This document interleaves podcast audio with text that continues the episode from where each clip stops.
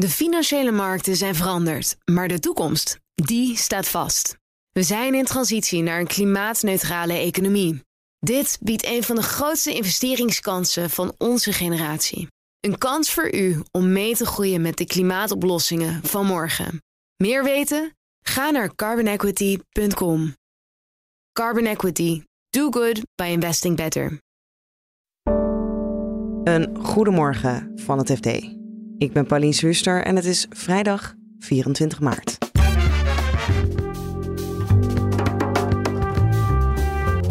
De NAVO gaat miljarden uitgeven om weer de voorloper te worden die ze ooit waren in de technologische ontwikkeling. Wij willen dat terug.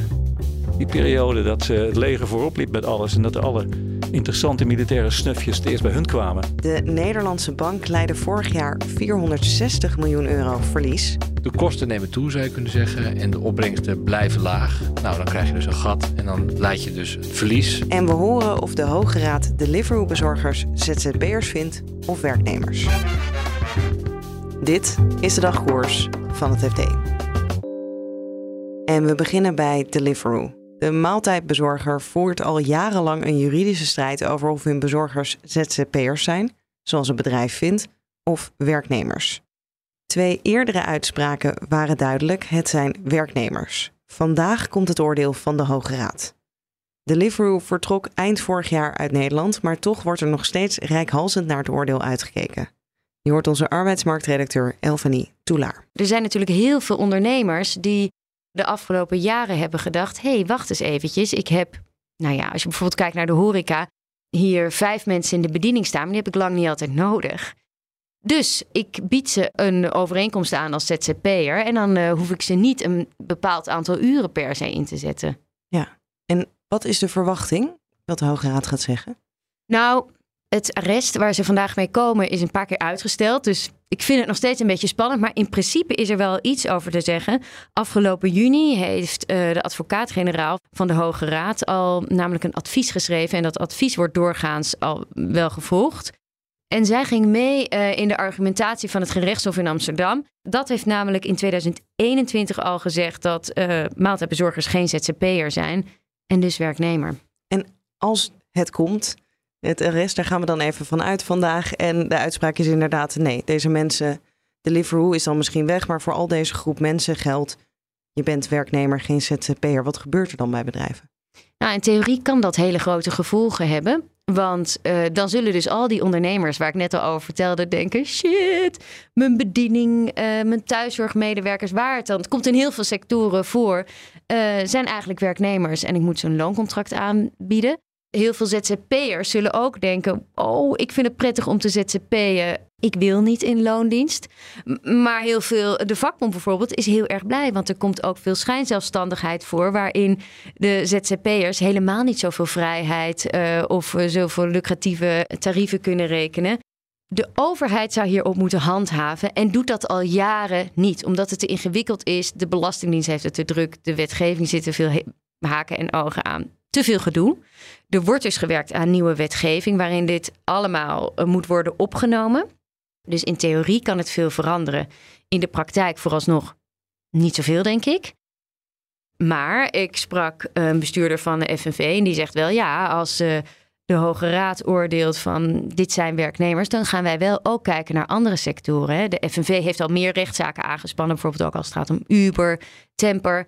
Eh, over vergelijkbare situaties. Maar ze kijken ook naar de thuiszorg bijvoorbeeld of de kinderopvang. Ook daar willen zij schijnzelfstandigheid aanpakken. En dan de Nederlandse bank. Gisteren bleek dat die afgelopen jaar 460 miljoen euro verlies heeft geleden. De angst bestaat dat de verliezen oplopen en dat de centrale bank afstevend op een negatief eigen vermogen. Of dat ook gaat gebeuren, hoor je van onze macro-economie-redacteur Marijn Jongsma. Nou, ze hebben daar zelf een berekening op losgelaten voor de periode 2023-2028. Uh, dan zouden de, de nog te maken verliezen, zeg maar, op iets van 10, ruim 10 miljard uitkomen. En het vermogen is bijna 11. Dus dan zit je er eigenlijk al heel dicht tegenaan. Uh, dat betekent dus eigenlijk dat als de rente, korte rente meer zou gaan oplopen dan nu het geval is, uh, dat je dan al snel in de situatie terechtkomt waarbij je dus inderdaad een negatief eigen vermogen hebt. En hoe erg is dat? Nou, dat is op zich, in operationeel opzicht niet zo erg, zei uh, Klaas Knot tijdens de persconferentie over het jaarverslag. Het is niet zo dat als een, een, centrale bank een negatief eigen vermogen heeft, dat hij niet meer kan functioneren. Sterker nog, er zijn centrale banken in Europa uh, die een negatief eigen vermogen hebben en ook gewoon in het eurosysteem zitten en er ook niet uitgegooid worden overigens. maar het is voor de geloofwaardigheid op langere termijn wel slecht. En je geeft eigenlijk ook een beetje het verkeerde voorbeeld hè, als centrale bank zeg je voortdurend tegen commerciële banken, ja, jullie moeten buffers aanhouden en er moet, moet voortdurend, je moet een weerstand hebben. En, en als centrale bank dan zelf met een enorm gat in de begroting, ja, dat, uh, zoals Klaas het als hij, dat voelt niet fijn. Nee, en wij krijgen als belastingbetaler, als de staat ook geen geld van hen. Ja, de staat is inderdaad groot aan, aan sterker nog, is de aandeelhouder van de, van de Nederlandse bank. Je krijgt jaarlijks een mooi dividend. Nu dus niks. En de komende jaren ook niks. Uh, want ja, als er verlies wordt gemaakt, dan uh, kan er ook geen dividend worden uitgekeerd. En die periode duurt nog wel wat langer, want eh, stel dat daarna uh, voorzichtig weer het vermogen wordt opgebouwd, dat er weer winst wordt gemaakt. Ja, dan, dan gaan ze die winst natuurlijk gebruiken om de buffers aan te vullen en niet om dividend te betalen. Dus dat betekent eigenlijk dat meer dan tien jaar ruim de staat niet op, op dividend hoeft te rekenen. En hoe verkoopt Klaas Knot dat? Nou, Klaas Knot die, die zegt op de beginnen van ja, we weten nog niet um, of er een bijstorting nodig is. Want dat is vers 2. Hè. Er zou eventueel nog zelfs als het heel erg wordt een bijstorting moeten komen. Maar Klaas Knot die is daar wel handig in. In die zin dat hij zegt van ja jongens, uh, laten we eerlijk zijn. De staat heeft jarenlang geprofiteerd van een hele lage rente. voor de periode 2015 tot 2020 alleen al wordt dat geschat op 28 miljard euro. Die de staat eigenlijk minder aan rente hoefde te betalen, omdat de centrale banken de rente laag hielden.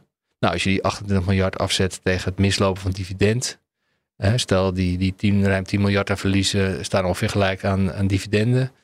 Uh, ja, dan zit de staat uh, door de lage rente nog steeds in de plus.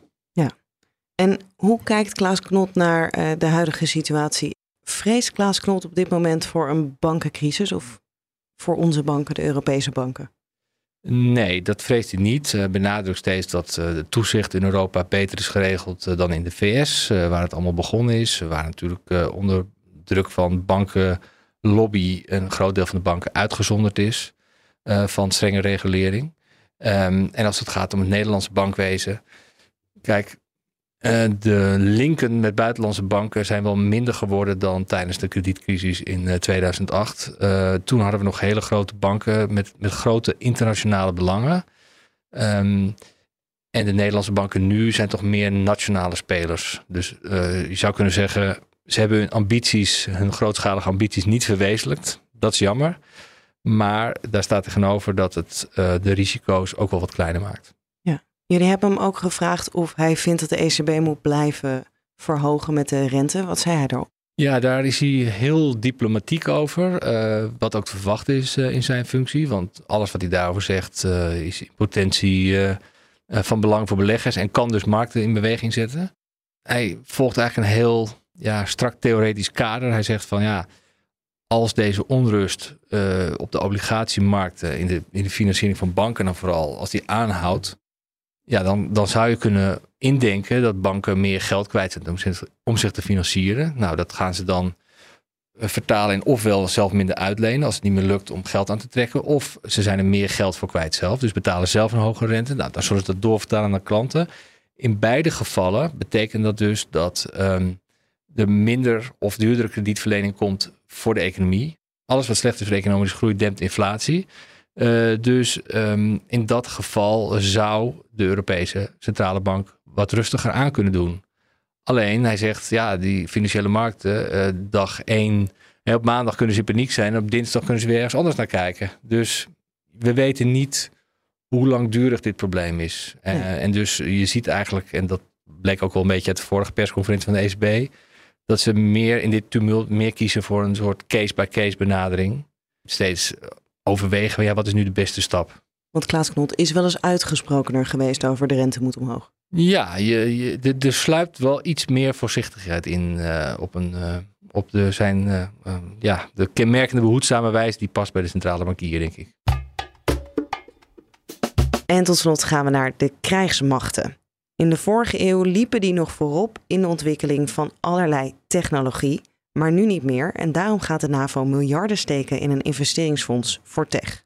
We gaan met tech-redacteur Jan-Fred van Wijnen terug naar de jaren 50, toen de Amerikanen voorloper werden in de technologische ontwikkeling doordat ze schrokken van de Russen die Sputnik lanceerden. Sputnik-crisis heette dat meteen. Dus in Amerika werden alle zeilen bijgezet om die achterstand uh, in te lopen. En een van de dingen die ze creëerden toen was het instituut DARPA. Dat instituut investeerde in militaire technologie. Dat heeft onder meer geleid tot wat aanvankelijk heette DARPANet, maar wat wij nu allemaal het internet noemen. En zo is er nog een hele reeks dingen die we aan dat soort investeringen te danken hebben. GPS bijvoorbeeld. Ja. En in die periode, jaren 50, 60, 70, investeerde defensie in heel veel landen. En dat is ja, langzaam weggeëpt.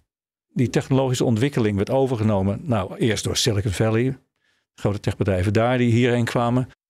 En toen in Europa ook de, de wereld van start-ups, van uh, venture capital.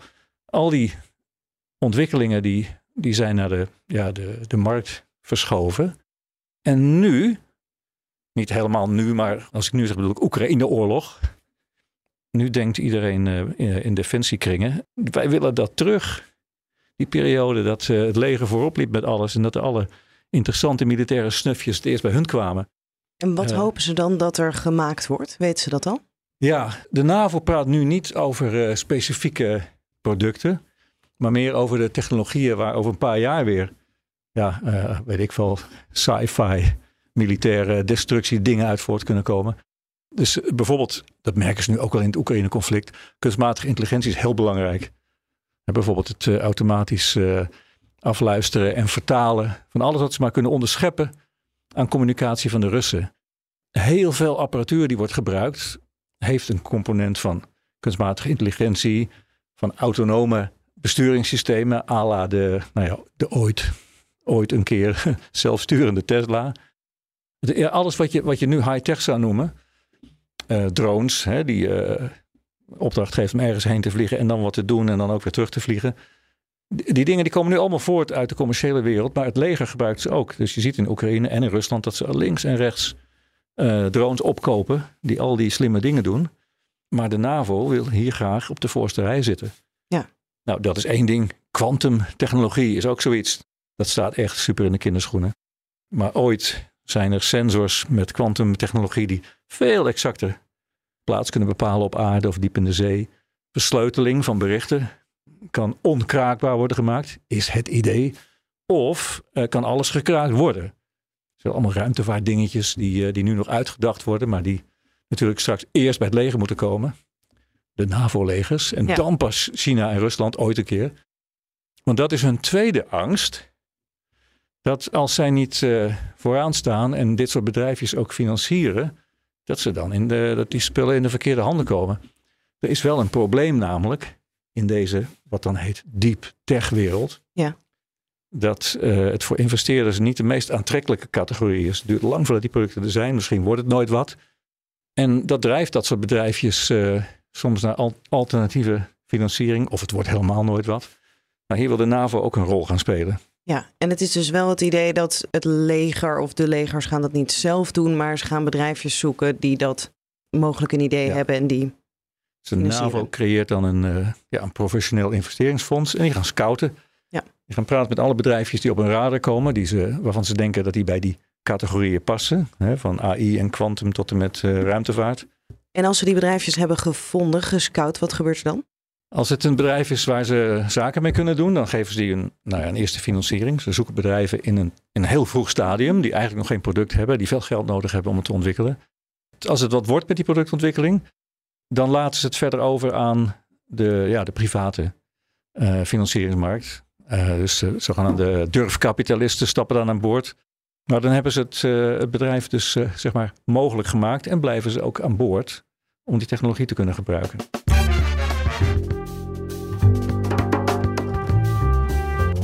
Dit was de dagkoers van het FD. Vergeet je niet op ons te abonneren, dan krijg je maandagochtend automatisch onze nieuwste aflevering binnen. En dan vind je hier in deze feed morgen onze weekendpodcast De Week Voorbij. Die gaat deze week helemaal over de banken en hoeveel we hebben geleerd van de crisis in 2008. Alvast een heel fijn weekend en graag tot maandag. De financiële markten zijn veranderd, maar de toekomst, die staat vast. We zijn in transitie naar een klimaatneutrale economie. Dit biedt een van de grootste investeringskansen van onze generatie. Een kans voor u om mee te groeien met de klimaatoplossingen van morgen. Meer weten? Ga naar carbonequity.com. Carbon Equity. Do good by investing better.